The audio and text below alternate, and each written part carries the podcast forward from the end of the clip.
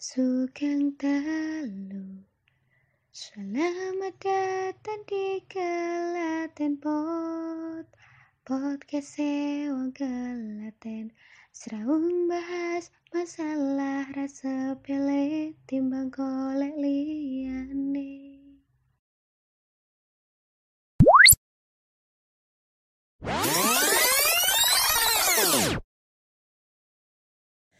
Halo Lor, Sugeng Dalu. Selamat datang di Klaten Pods.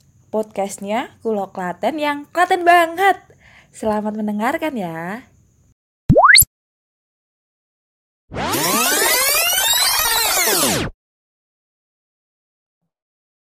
dulu sekolah eh, sekolah dasar di Kabupaten Klaten, habis itu uh, memasuki SMP dan selanjutnya beliau di pondok SMP SMA dan akhirnya melanjutkan di perguruan tinggi sampai S3 seperti itu. Karena karena Bapak Hidayat Nurhadi juga sudah hadir, uh, waktu dan layar saya persilahkan ke Bapak Hidayat Nurwahid untuk menyampaikan pengantar. Monggo Pak. Assalamualaikum warahmatullahi wabarakatuh. Waalaikumsalam warahmatullahi wabarakatuh. Uh, sahabat-sahabat semuanya, rekan-rekan dari komunitas uh, Pulau Klaten dan atau program Klaten Talks pada sore hari ini. Sugeng Sonten, Setiani Bon, anak-anak semuanya dan sahabat-sahabat semuanya. Sonten, Suara saya terdengar di sana? terdengar jelas. Aman, Pak, aman. Jelas, Pak. Aman ya, baik. Alhamdulillahirrahmanirrahim. Uh, kita bersyukur pada Allah Tuhan Yang Maha Esa yang tetap memberikan kepada kita kesempatan untuk bisa terus menyambung silaturahim, menyambung kebersamaan, bertemu sekalipun dalam kondisi COVID-19 ini, tapi kita bisa bersama-sama menyambung uh, komunikasi silaturahim melalui sarana yang dibuatkan oleh uh, kawan-kawan dari uh, Pulau Klaten ini dan kemudian pada sore hari ini kita akan berbagi tentang bagaimana kita uh, bangsa Indonesia, generasi mudanya khususnya bisa terus berkontribusi untuk uh, menyelamatkan generasi kita, menyelamatkan uh, bangsa kita, warga kita, termasuk juga Klaten dari mana kita semuanya berasal. Memang kalau kita lihat tentang uh, Klaten sebagai sebuah komunitas ya, kita mengetahui bahwa ini adalah sebuah uh, komunitas yang memang dari sisi geografis dia mempunyai posisi yang sangat unik. Dia berada di tengah antara Jogja dan Solo, antara dua kerajaan Jogja dan kerajaan Solo yang sangat melegenda dan sudah sangat tua umurnya. Uh, karenanya menurut saya uh, Klaten menjadi satu komunitas dan satu tempat di mana uh, kita uh, diberi kesempatan untuk bisa mengambil dan sekaligus mendapatkan pelajaran, manfaat dan uh, keunggulan daripada pengalaman sejarah yang demikian luar biasa dan apalagi uh, di sana juga ada selain kerajaan ada juga Candi Prambanan, ada juga masjid-masjid yang uh, cukup mencolok dan juga ada Sunan uh, Sunan uh, apa namanya uh, Sunan Rebayan, ada juga Sunan Geribik. Semuanya memberikan kepada kita, belum lagi juga uh, tempat ini ada tempat perjuangan kemerdekaan di Indonesia, termasuk juga menyelamatkan dari uh, pemberontakan PKI tahun 65. Sejarah yang sangat panjang dari Klaten ini menurut saya adalah satu uh, modal besar ya, terutama bagi anak-anak atau bagi anak-anak muda yang ingin melanjutkan perannya bagi kebaikan diri mereka maupun juga sumbangsi yang bisa diberikan pada Klaten. Karena pada hakikatnya di mana pun uh, kita berada dan uh, sejarah apa pun yang bisa kita lihat, kita akan dapatkan bahwa peran serta yang dilakukan oleh generasi muda maupun juga generasi berikutnya tidak akan bisa dilakukan dengan memotong sejarah. Dia pastilah bagian daripada kelanjutan daripada sejarah-sejarah yang sudah ada. Bahkan bangsa-bangsa besar yang sekarang eksis di tingkat internasional, apakah itu bangsa-bangsa Eropa atau bangsa-bangsa eh, termasuk di India maupun juga China maupun juga di Arab gitu ya. Ini adalah komunitas yang terus bisa eksis karena mereka memang mempunyai sejarah yang sangat kuat dan sejarah itulah yang memandu mereka untuk berperan terus-menerus. Nah, kita dari Klaten eh, satu komunitas yang diapit oleh dua sejarah besar, sejarah Mataraman dan sejarah eh, Pakubuwonan gitu ya sejarah Keraton Jogja dan Keraton Solo, sejarah daripada para pejuang yang hebat yang hadir dari kota Jogja dan juga Solo. Mestinya kita kemudian dari Klaten ini bisa menghadirkan inspirasi besar untuk kemudian berperan secara lebih baik lagi. Jadi dari sejarah dan peran sejarah saya kira eh, penting untuk bisa kita maksimalkan. Dan ketika eh, saya memerankan diri dalam konteks sejarah semacam ini, ya semuanya juga berangkat dari sebuah kesadaran penuh bahwa Eh, dari Prambanan, saya saya dari Prambanan, kemudian nyantri sekalipun memang agak agak tidak umum gitu ya orang Prambanan, orang Klaten, kemudian ke pesantren sampai jauh bahkan sampai ke uh, Medina gitu ya. Saya di Medina sampai sekitar 13 tahun dan kemudian belajar ilmu agama dari pesantren sampai S1, S2 dan S3 dan kemudian di Jakarta melanjutkan peran-peran uh, sebagai presiden partai, kemudian menjadi ketua MPR, menjadi ketua Badan Kerjasama Antar Parlemen, kemudian sekarang wakil ketua MPR untuk dua periode yang kedua. Ini semuanya adalah sebuah uh, pembuktian bahwa dari Klaten pun sesungguhnya kalau kita menghayati peran sejarah itu, maka banyak hal yang bisa kita kerjakan dan bisa kita sumbangsihkan. Jadi jangan pernah kemudian memahami bahwa latar belakang kita, daerah kita, eh, asal eh, daerah di mana kita berada, asal sekolah di mana kita berada, kemudian tidak memungkinkan untuk kita bisa berperan lebih luas dan bermanfaat yang lebih luas lagi, baik pada tingkat nasional bahkan pada tingkat internasional. Semuanya bisa dilakukan. Kalau uh, melalui jalur uh, dunia pendidikan dari pesantren dari Timur Tengah kita bisa berperan. Apalagi untuk rekan-rekan semuanya yang uh, tentunya latar belakangnya lebih terbuka, latar belakangnya lebih mengindonesia dalam artian sudah terbiasa dengan komunitas Indonesia. Sekarang ini era reformasi yang mau tidak mau, suka atau tidak suka, sesungguhnya memberikan ruang yang luar biasa kepada seluruh warga bangsa untuk berperan dan mengambil peran secara maksimal.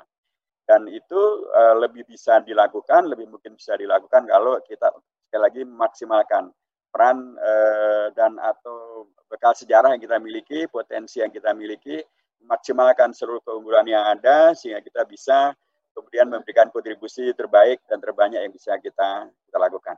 Itu yang kedua. Kali yang ketiga menurut saya yang penting untuk juga bisa kita maknai dalam konteks apa yang bisa dilakukan anak-anak muda untuk menyinari Indonesia, menyinari Klaten adalah bahwa sekarang ini eh, ketika kemudian melalui apakah melalui jalur eh, yang disebut sebagai teknologi informasi maupun juga yang disebut sebagai Eh, globalisasi yang kemudian disebut sebagai uh, era keterbukaan semuanya sangat mengenalkan kepada kemampuan kita untuk menguasai beragam uh, spesialisasi dan atau kekhasan yang dimiliki oleh masing-masingnya. Spesialisasi dan kekhasan yang dimiliki dan dikuasai kemudian bisa dikembangkan menjadi sesuatu yang membawa kepada sumbangsih yang baik untuk diri maupun untuk uh, profesi maupun juga untuk masa depan gitu ya. Dan itu tidak tidak berhenti pada sekedar umur kita berapa, latar belakang kita di mana, siapa pun bisa melakukan. Dan bisa kita lihat uh, yang disebut sebagai mereka-mereka yang sukses melalui mekanisme uh, unicorn itu misalnya, hampir semuanya adalah anak-anak muda. Dan kalau kita lihat latar belakang mereka juga mereka adalah tidak serta merta adalah orang yang latar belakangnya otomatis dari kota besar atau latar belakang dari orang-orang yang uh, kaya raya atau orang-orang yang kemudian semuanya serba difasilitasi oleh negara maupun juga oleh orang tuanya. Tapi mereka adalah orang-orang yang mampu untuk kemudian menyiapkan diri, memaksimalkan potensi yang ada, untuk kemudian um, membuat terobosan-terobosan sehingga kemudian bisa memberikan peran yang maksimal. Dan ini sekali lagi bukanlah sesuatu yang bisa uh, diprotek, artinya hanya kelompok tertentu yang bisa, yang lain tidak bisa. Tidak bisa. Siapa pun bisa melakukannya atau sebaliknya ini tidak bisa kemudian dilakukan kaedah KKN gitu ya. Eh, ada nepotisme di sana dan kemudian eh, mengandalkan pada relasi untuk kemudian bisa memaksimalkan seluruh peluang dan eh, dan apa eh, kesempatan di sana tidak bisa juga. Ini sangat terkait juga dengan eh, bagaimana eh, kemampuan diri keahlian pribadi dan sekaligus juga keunggulan pribadi karena kemampuan untuk memaksimalkan akses memaksimalkan peluang-peluang tadi, kemudian menghadirkan pribadi yang berkeunggulan. Pribadi berkeunggulan karena sekali lagi tidak bisa dicegah, tapi juga tidak bisa uh, kemudian potensi yang ada diintervensi untuk kemudian bisa menghentikan yang lain. Jadi faktor ketiga ini menurut saya juga menjadi amat sangat dipentingkan. Anda dari Klaten atau Anda dari mana pun juga, sesungguhnya eh, dunia memberi ruang yang sama. Reformasi memberikan ruang yang sama. Siapa pun bisa. Eh, latar belakang pesantren bisa, latar belakang sekolah umum bisa, latar belakang sekolah luar negeri bisa, latar belakang sekolah di Indonesia bisa. Yang pentingkan adalah bagaimana masing-masing memahami dan memaksimalkan peran yang ada untuk kemudian memberikan kontribusi yang terbanyak. Yang berikutnya menurut saya juga di era yang sedang disebut sebagai COVID-19 ini, orang kemudian sudah mempertimbangkan apa yang akan terjadi setelah uh, COVID-19 atau pasca COVID-19. Uh, akan kemungkinan besar akan terjadi uh, pola kehidupan yang tidak lagi sepenuhnya sama. Cara bekerja akan mungkin berbeda, uh, cara uh, berkomunikasi juga mungkin akan, uh, berbeda, cara berbisnis akan berbeda, eh, komunikasi antara antara lembaga, antar pihak, termasuk juga antar instansi juga mungkin tidak akan lagi menjadi seperti yang dulu lagi. Tapi kata kunci yang menurut saya dipentingkan adalah bagaimana mengenali tabiat-tabiat ini. Jadi sangat penting agar eh, anak-anak uh, muda bisa eksis dan bisa memberikan kontribusi yang terbesar pada uh, pada era pasca uh, COVID-19 ini adalah eh, kenalilah, kenali, pelajari, dan ambillah informasi dan masukan sebanyak-banyaknya dari para ahli, para pakar yang sudah memberikan kajian-kajian yang maksimal untuk bagaimana mereka bisa uh, berkontribusi setelah selesainya COVID-19 ini. Karena uh, peristiwa yang mengglobal ini tentu juga karenanya dampaknya juga mengglobal dan sekaligus juga solusinya diberi, diberikan juga secara secara mengglobal juga. Banyak, pakar sudah bicara, banyak ahli sudah bicara, baik itu dari sisi uh, ekonomi, dari sisi sains, dari sisi kesehatan, dari sisi politik, dari sisi sosial, pola hubungan antar pihak, cara bekerja dan sebagainya sudah sudah mereka bahas. Jadi menurut saya penting juga di era kemudian uh, di yang insya Allah tidak masuk dalam zona merah, mudah-mudahan demikian ya, tetapi kondisinya tetap saja Klaten tidak akan sendirian karena Klaten bagian dari Jawa Tengah, Jawa Tengah bagian dari Indonesia dan semuanya ada kait mengkait gitu ya sehingga uh, sangat penting juga untuk kemudian mengenali tipe kehidupan setelah COVID-19. Uh, eh, kesempatan Anda semuanya dan apalagi Anda-Anda pastilah sangat familiar dengan teknologi informasi, uh, pastilah Anda akan mempunyai kemampuan untuk bagaimana mengakses informasi ini uh, melalui melalui YouTube kah atau melalui sosial media yang lain kah atau melalui Google atau apa saja. Anda bisa mengeklik untuk kemudian bisa memberikan informasi yang banyak dan sebaik-baiknya. Terakhir yang saya sampaikan dalam uh, konteks ini adalah bahwa ya saya harus sampaikan um, saya di Klaten tidak lama karena saya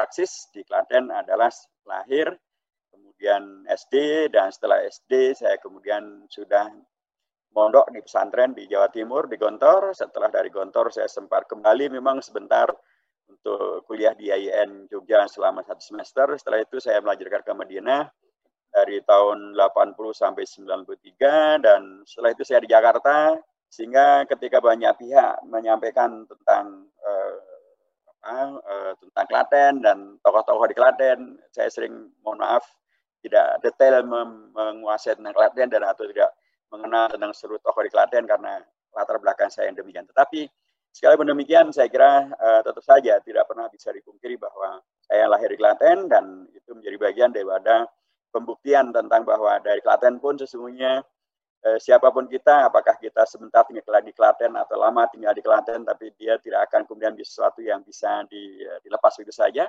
Dalam artian bahwa uh, dari mana pun kita datang, sesungguhnya kita bisa memberikan uh, kontribusi dan sekaligus juga uh, insya Allah sejarah yang baik bagi Klaten di mana kita berasal.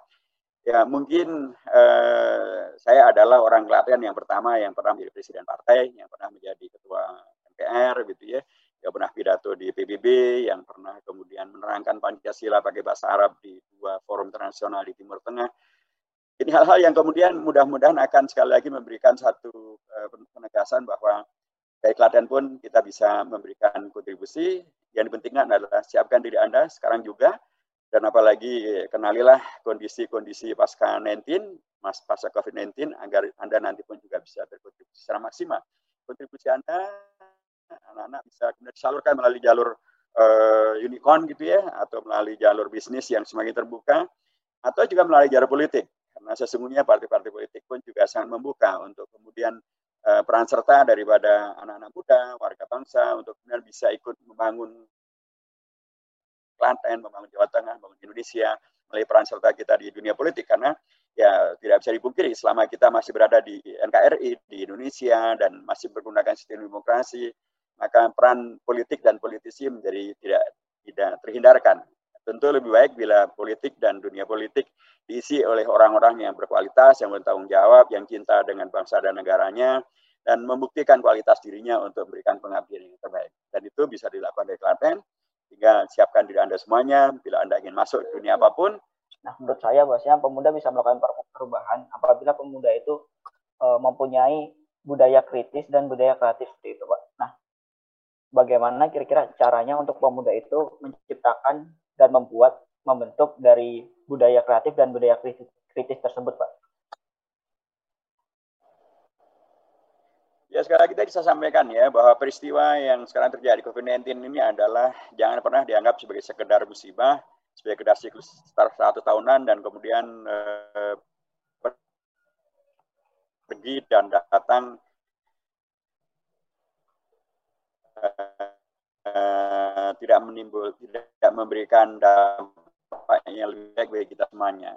Tadi dan sekedar eh, orang mungkin harus pakai masker, mungkin orang kemudian takut di, ya, diperiksa uh, kesehatannya. Sebagian orang mungkin hanya sekedar uh, tentang bagaimana kuliah dari rumah atau ke kantor, ke, ke kampus, atau kemudian bagaimana bisa mendapatkan keringanan uh, pembiayaan kuliah. Bagi sebagiannya lagi mungkin hanya memikirkan tentang bagaimana agar dalam tanda kutip uh, ekonomi tetap bisa berjalan. Jadi tidak ada daya kritis sama sekali di sana. Padahal uh, salah satu daya kritisnya adalah ini. Kita harus mengkritisi bahwa peristiwa ini sekali lagi jangan hanya dianggap sebagai sekedar peristiwa datang dan pergi. Harus kita jadikan dia, kita harus mengkritisi diri kita, mengkritisi uh, lingkungan kita, mengkritisi masyarakat kita yang kemudian hanya sekedar terjebak pada rutinitas harian terkait dengan mengatasi COVID-19. Uh, eh, jadi daya kritisnya di sini menurut saya dipentingkan untuk kurang menghadirkan tadi kreativitas karena kalau dari peristiwa ini kita akan melihat bahwa ternyata banyak kemudian kreasi-kreasi bermunculan. Bagaimana kemudian orang menciptakan tentang uh, face field misalnya, bagaimana orang kemudian menciptakan tentang uh, masker kain misalnya, bagaimana orang kemudian mencoba untuk menghadirkan kiat-kiat uh, untuk hidup sehat di COVID-19 era ini misalnya Bagaimana kemudian pun juga orang melakukan penelitian untuk menemukan hazmat yang lebih lebih manusiawi, bagaimana kemudian bisa menghadirkan um, apa namanya beragam kondisi yang kemudian bisa mengatasi dan mengalahkan. Banyak kreativitas yang dimunculkan. Kreativitas ini bahkan kemudian dalam konteks umat Islam pun juga ternyata sekali lagi menghadirkan sebuah kepercayaan yang luar biasa. Seorang sekelas uh, Donald Trump itu percayakan kepada dokter uh, Muslim asal dari Maroko yang sekarang menjadi warga negara Amerika namanya uh, Munsif Muhammad uh, Slawi untuk memimpin tim spesialis untuk menemukan vaksin mengatasi COVID-19. Jadi ternyata keberagamaan kita dengan profesionalitas kita bukan dua hal yang harus dibenturkan dan atau beragama tidak berguna mengatasi ternyata juga sangat berguna.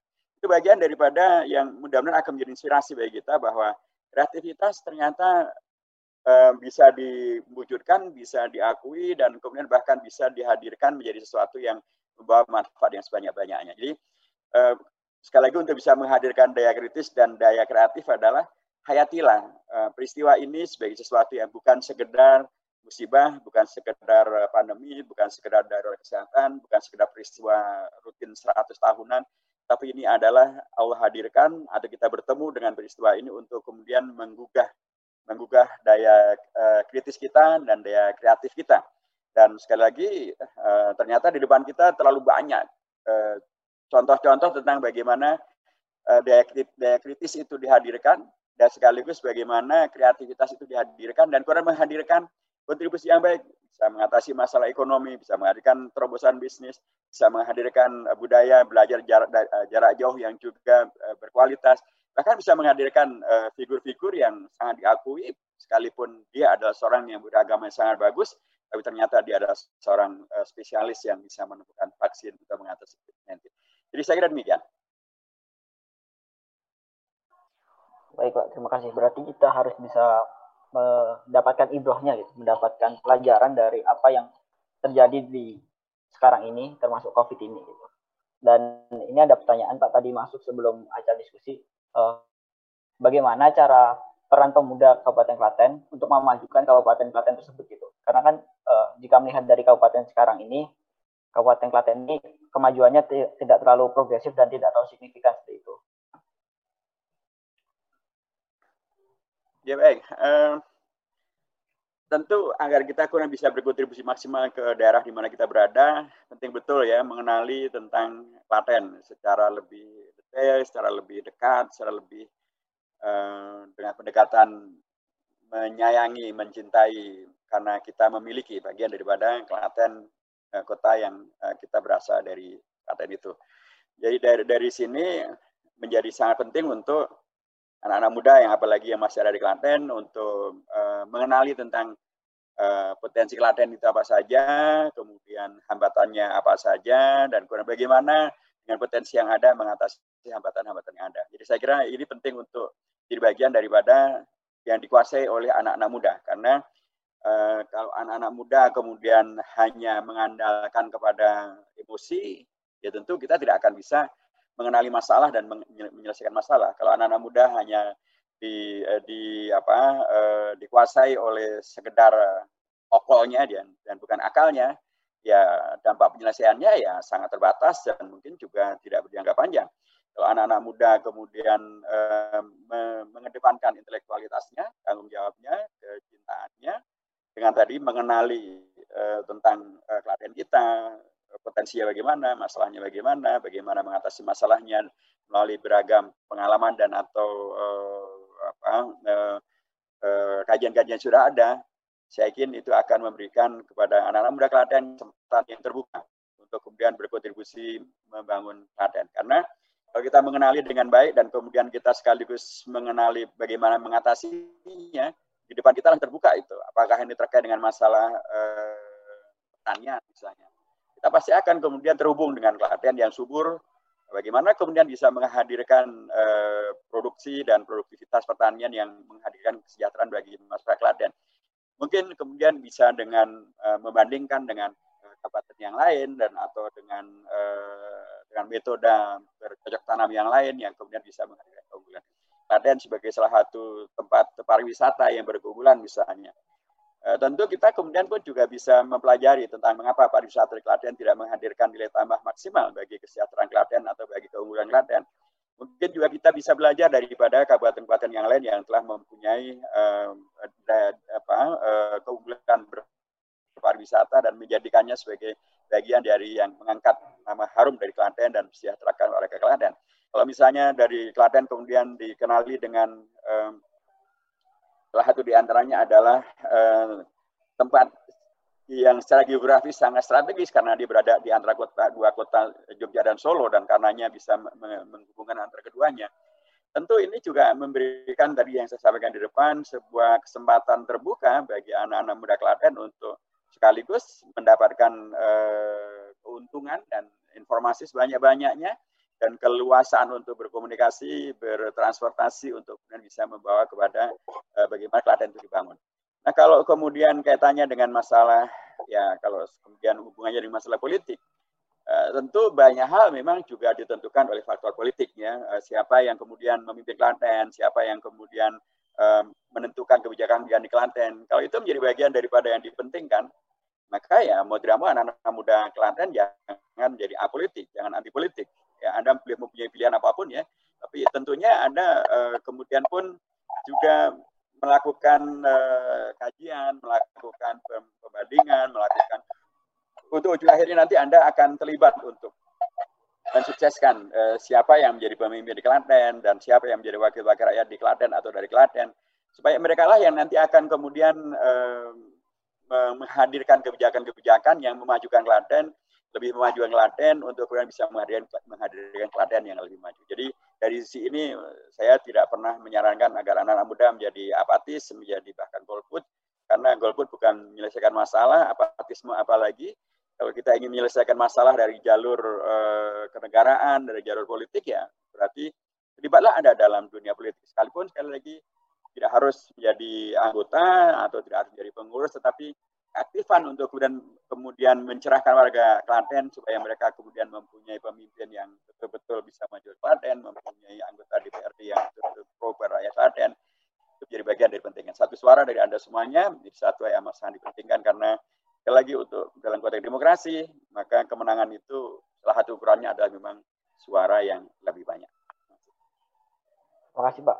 Dan ini ada pertanyaan dari Tuan Adi N Uh, permisi izin bertanya, apakah sudah ada fasilitas tertentu maupun peran yang diberikan pemerintah kepada pemuda khususnya dalam membantu meningkatkan daya kreativitas dan kritis saat pandemi ini? Untuk nyatanya dan bagaimana akses serta cara mendapat, mendapatkannya. Terima kasih. Ya, saya agak sulit ya kalau bicara tentang pemerintah ya, karena saya bukan jubir pemerintah dan saya juga bukan pemerintah ya.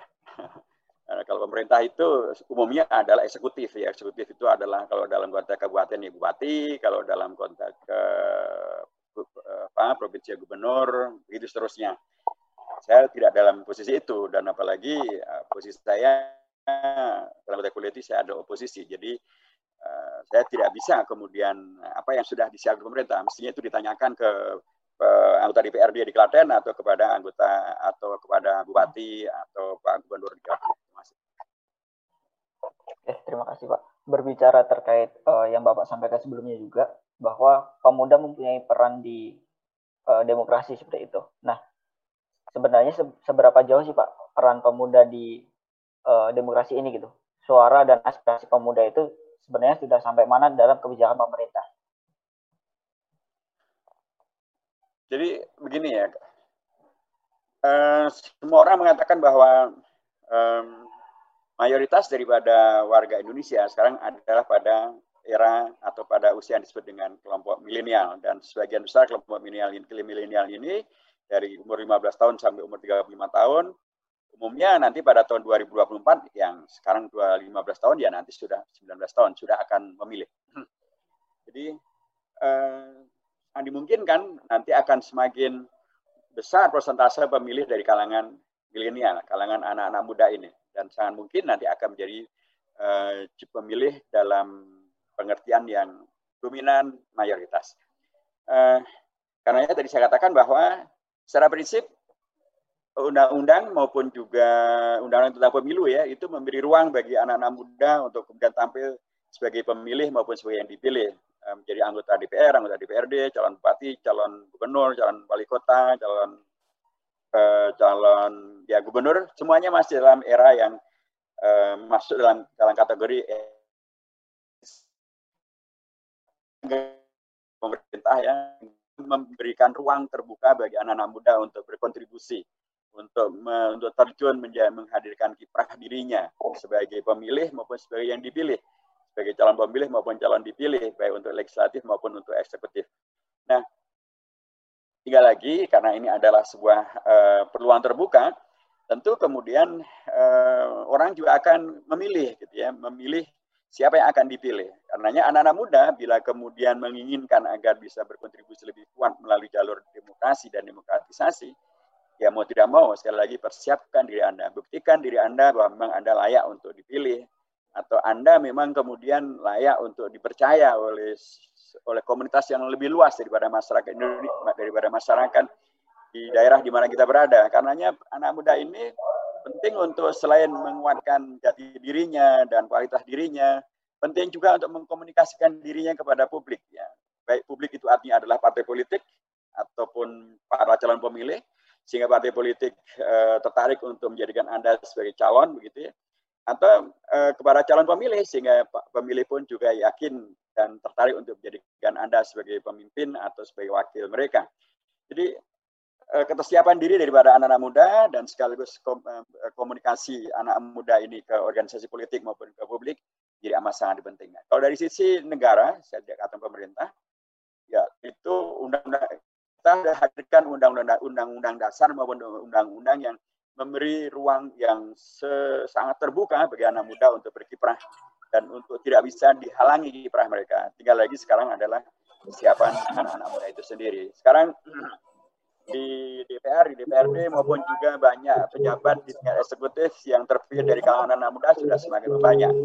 Jadi ke depan pasti akan semakin banyak lagi karena semakin banyak eh, partai rakyat menginginkan anak muda ini tampil lebih banyak lagi. Tetapi tentu saja anak muda tidak ingin sekedar hanya tampil dan apalagi untuk hanya sekedar mengulangi mengulangi kegagalan atau mengulangi tidak produktif atau mengulangi kekecewaan. Pastilah anak muda yang cinta Klaten, cinta Indonesia pasti menginginkan lebih baik. Karenanya siapkan diri Anda, ketika diri Anda memang lebih baik, lebih berkualitas, lebih mencintai lebih Indonesia dan Klaten dan lebih mampu untuk menghadirkan solusi untuk memaksimalkan seluruh daya yang kita miliki seluruh potensi yang kita miliki menjadi sebuah uh, modal besar untuk menjadikan Indonesia betul-betul sebagai negara yang jaya raya sebagaimana kita dikatakan oleh para penikmat. Terima kasih Mbak Hidayat. Uh, ini ada pertanyaan lagi Pak dari saudari Titin. Uh, izin bertanya, bagaimana menumbuhkan rasa cinta tanah air khususnya dalam membangun daerahnya masing-masing? Karena kebanyakan pemuda-pemudi saat ini acuh dalam berkarya dan berkontribusinya untuk negeri. Ya, baik. Banyak kajian yang mengatakan bahwa peristiwa COVID-19 ini akan nanti merubah cara pandang termasuk juga relasi. Eh, sangat mungkin bahkan eh, mulai COVID-19 ini kemudian nanti orientasi orang bukan lagi ke kota besar eh, dengan segala masalahnya ya macetnya ya mahal eh, biaya hidupnya gitu ya tapi dengan COVID-19 akibat dari COVID-19 ini semuanya bisa dikerjakan dari rumah, semuanya bisa dikerjakan dari uh, dari tempat tinggal. Semua bisa dikerjakan melalui melalui internet, semua dikerjakan bisa melalui uh, Google dan lain sebagainya. Sehingga dengan pendekatan itu sangat mungkin nanti orientasi orang tidak lagi pergi ke kota-kota besar, tidak pergi, tidak juga buat kantor-kantor besar, tidak juga harus harus selalu hadir ke kantor, Sangat mungkin nanti kemudian orang malah justru rentasnya kembali ke kampung-kampung, ke daerah-daerah, ke kota-kota kecil, ke tempat di mana kemudian lebih nyaman kehidupan itu bisa dihidupi, tidak terkena dengan tadi kemacetan, tidak terkena dengan ya hidup yang mahal akibat daripada harus ada di kota, tidak harus membuat kantor-kantor besar. Sangat mungkin nanti orang justru sebagaimana sekarang ini orientasinya adalah di rumah, bekerja dari rumah, mengerjakan segala sesuatunya dari rumah, nyaman hidup yang kemudian tidak ada hiruk pikuk tidak ada kemacetan, tidak ada kemahalan ya. Dan bila itu yang akan terjadi maka ya kemungkinan besar nanti orang kembali ke daerah masing-masing. Minimal orientasinya adalah tidak lagi ke kota-kota besar, tapi kembali ke daerah asal di mana kita berada. Kalau ini yang akan terjadi, maka ya semakin dipentingkan untuk kesiapan sejak dari sekarang untuk uh, mengokohkan kedekatan kita dan keberadaan kita bersama dengan Klaten atau kota asal di mana kita berada sehingga kemudian pun dari Pak kita masing-masing kita akan bisa berkontribusi bukan hanya membangun Indonesia tapi bahkan bangun daerah di mana kita berada. Karena dengan uh, pola kerja yang sekarang ini mengandalkan kepada internet kepada Google kepada uh, uh, jaringan global ya kita sangat mungkin membangun uh, daerah di mana kita berada dengan kemampuan kita untuk mengakses seluruh keunggulan-keunggulan yang ada di dunia global untuk kemudian nanti bisa kita terapkan di daerah di mana kita berada. Sekarang ini kita menjadi menjadi dibuat terbiasa dengan hal semacam itu. Kita tinggal googling tentang apa gitu ya, apakah tentang eh, penanganan sampah yang efektif misalnya, tinggal kita googling dan kita akan langsung dapatkan sekian banyak informasi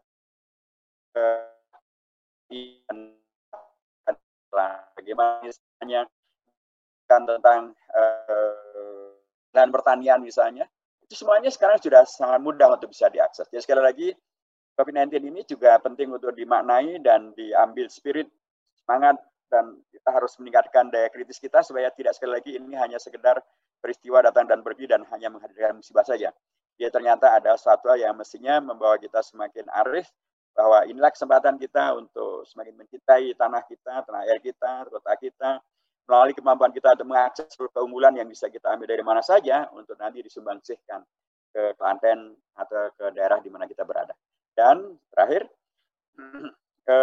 dengan pendekatan ini sesungguhnya bahkan kalaupun kita berbisnis untuk Klaten, membangun Klaten, berorientasi pada Klaten misalnya, tetap saja bisa kita konekkan di dengan dunia global, dunia internasional. Dan bila dengan cara itu maka ya e, nilai keunggulan atau nilai lebih daripada relasi kita dengan Klaten ketika kita konekkan e, dengan dunia internasional itu mempunyai nilai yang sangat-sangat e, besar dan menghadirkan keunggulan yang sangat tinggi. Dengan demikian maka COVID-19 malah akan bisa memberi berkah ketika kita bisa memaksimalkannya untuk keunggulan kita dan keunggulan peran serta kita untuk membangun Klaten atau kota di mana pun yang kita cintai. Terima kasih Pak. Dan ini uh, masih ada pertanyaan terkait pemuda dan pemudi yang ingin mengabdikan kepada negerinya. Gitu. Dan ini uh, dari Didaone dari Kunden Karanganom Klaten, dia cerita bahwasanya dia di Bali sekarang dan dia ingin kembali ke Kabupaten Klaten untuk mengabdi di Kabupaten Klaten itu. Apakah ada kemudahan ketika dia nanti uh, ingin mengabdikan diri ke Kabupaten Klaten? Apakah misalkan mungkin ada uh, produk hukumnya yang mengatur hal itu atau bagaimana gitu? Ya, uh, sekali lagi memang uh, relasi lebih kepada pemerintah ya, pemerintah daerah dalam konteks ini yang mestinya akan bisa memberikan jawaban lebih operasional. Karena saya tidak ada dalam posisi itu, maka saya ingin menyampaikan mungkin kadang agak umum. Pertama, secara prinsip Indonesia kita tidak mengenal sistem federalisme, di mana kemudian kalau anda bekerja, kemudian Anda akan terkendala dengan latar daerah. Kalau apalagi latar Anda juga orang Klaten, mestinya tidak ada kendala apa pun. Tentu akan menjadi sesuatu yang lebih mungkin untuk Anda kembangkan kalau Anda kemudian memang dari Bali, di mana kemudian Anda sekarang membangun eh, membangun masa depan Anda dan atau profesionalitas Anda, kemudian keunggulan itu yang Anda bawa ke Klaten menjadi nilai tambah. Kalau itu yang terjadi, pasti Klaten maupun kota mana pun tidak akan kemudian menolak Anda, bahkan akan memberi ruang untuk kemudian Anda bisa berkiprah lebih baik lagi.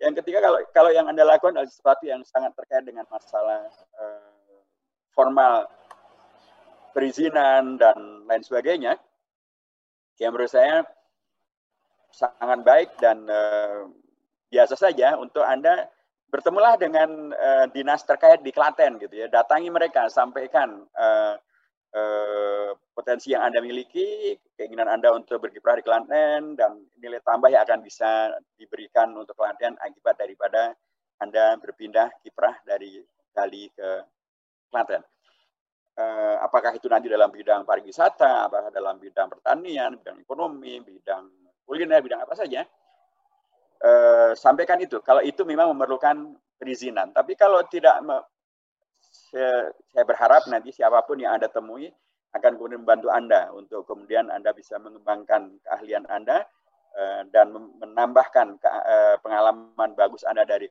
dari Bali untuk kemudian menjadi nilai tambah di Klaten. Tapi kalau Anda tidak memerlukan kaitan dengan masalah perizinan, terkait dengan masalah artinya Anda memang berada di uh, di bidang aktivitas dan pekerjaan yang swasta yang tidak ter terkait dengan pemerintah, ya menurut saya Anda nggak perlu ragu untuk kemudian. Eh, tapi sekali lagi, sekali lagi, memang Anda mempunyai eh, success story dan atau nilai lebih yang Anda bisa pindahkan untuk bisa menghadirkan nilai lebih berikutnya di Klaten. Tapi kalau kemudian eh, anda menghitung dengan cermat ya bahwa di Bali Anda lebih mungkin untuk membangun Klaten dari Bali, yaitu mungkin pilihan yang hmm. Anda juga tetap bisa lakukan. Tapi kalau Anda kemudian menghitung dan berdasarkan musyawarah dengan keluarga, kajian lapangan yang yang objektif, ternyata Anda bisa mengembangkan uh, kreasi swasta Anda di Prambanan atau di Klaten, ya silahkan. Tapi sekali lagi penting semuanya berdasarkan kajian yang uh, yang cukup dan sekaligus juga uh, berbasiskan kepada uh, keunggulan yang memang real yang kita miliki untuk bisa kita sumbangsihkan ke daerah mana pun yang nanti kita akan berpindah ke sana. Baik Pak, terima kasih. Karena waktu Zoom meetingnya juga masih uh, tersisa 7 menit aja. Mungkin ini pertanyaan terakhir sekaligus closing statement dari Bapak Idan Wahid. uh, mungkin harapan dan pesan untuk pemuda Kabupaten Klaten pada khususnya dan pemuda pada umumnya. Monggo Pak. Ya, uh, tentu harapan saya um, anak-anak muda dari Klaten uh, justru dengan adanya COVID-19 ini akan juga bisa mempersiapkan diri lebih baik untuk kemudian menghadirkan uh, peran serta yang lebih unggul, lebih uh, berkualitas, lebih untung, lebih menguntungkan, lebih soleh, lebih bermaslahat bagi diri Anda, bagi keluarga Anda, dan bagi Klaten Anda. COVID-19 jangan hanya kita sikapi sebagai satu musibah, tapi harus kita sikapi juga dia adalah satu karunia, satu intervensi yang Allah hadirkan untuk tadi meningkatkan daya kritis dan sekaligus juga uh, daya kreatif kita. Untuk kemudian yang semuanya serba terbuka ini tadi yang saya sampaikan bahwa semuanya serba terbuka Anda dengan booking dan semuanya bisa Anda dapatkan di sana. Untuk kemudian bisa uh, Anda jadikan sebagai uh, bekal-bekal mengisi kehidupan COVID-19 anak-anak muda kalau saya dengan latar belakang uh, hanya sekolah SD di Klaten setelah itu di pesantren bisa menjadi uh, berkontribusi untuk nasional maupun internasional. Saya ingin ada semuanya yang uh, di sekolah di Kelantan, kemudian meng menghadirkan keunggulan dari Kelantan, Anda bisa dan lebih bisa lagi. Karena memang dunia semakin terbuka, reformasi beri ruang dan tidak ada yang kurang bisa menghalang-halangi. Silakan Anda. Itu sudah kami bukakan, karpet sudah kami bentangkan, dunia juga sudah memberi ruang untuk Anda berkiprah. Jangan mubadirkan kondisi ini, siapkan diri Anda, dan majulah Klaten bersama anak-anak muda yang hebat-hebat seperti Anda semuanya. Terima kasih. Terima kasih banyak untuk Pak Hidayat Wahid atas penyampaian dan seluruhnya pesan dan pesan dan yang lainnya. Semoga yang Bapak sampaikan ini bisa kita uh, serap ilmunya dan bisa kita implementasikan untuk ke depan nantinya seperti itu. Amin. Dan dan memang jika dilihat dari sejarah pemuda, memang pemuda memiliki sejarah yang panjang dalam peradaban ini. Salah satunya Muhammad Al-Fatih, terus uh, pemuda di era Indonesia apabila di era kemerdekaan seperti itu.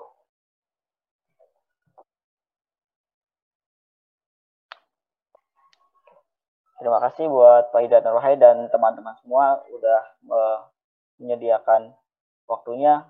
Pak Hidayat Nurhai sekali lagi mohon uh, mohon maaf apabila ada salah kata maupun yang lainnya dan semoga nanti uh, kita bisa meniru dari Pak Hidayat Nur Wahid ini dengan prestasinya, dengan uh, segala pengabdiannya untuk negara ini seperti itu. Oke, sekian dari saya apabila ada salahnya selaku panitia dan selaku penyelenggara dan moderator. Mohon maaf. Akhirul kalam. Wassalamualaikum warahmatullahi wabarakatuh. Waalaikumsalam. Ya, sukses uh, Kulo Klaten dan Klaten Kulo dan Kulo Kulo Klaten Klaten. Ya. Assalamualaikum warahmatullahi wabarakatuh. Waalaikumsalam warahmatullahi wabarakatuh.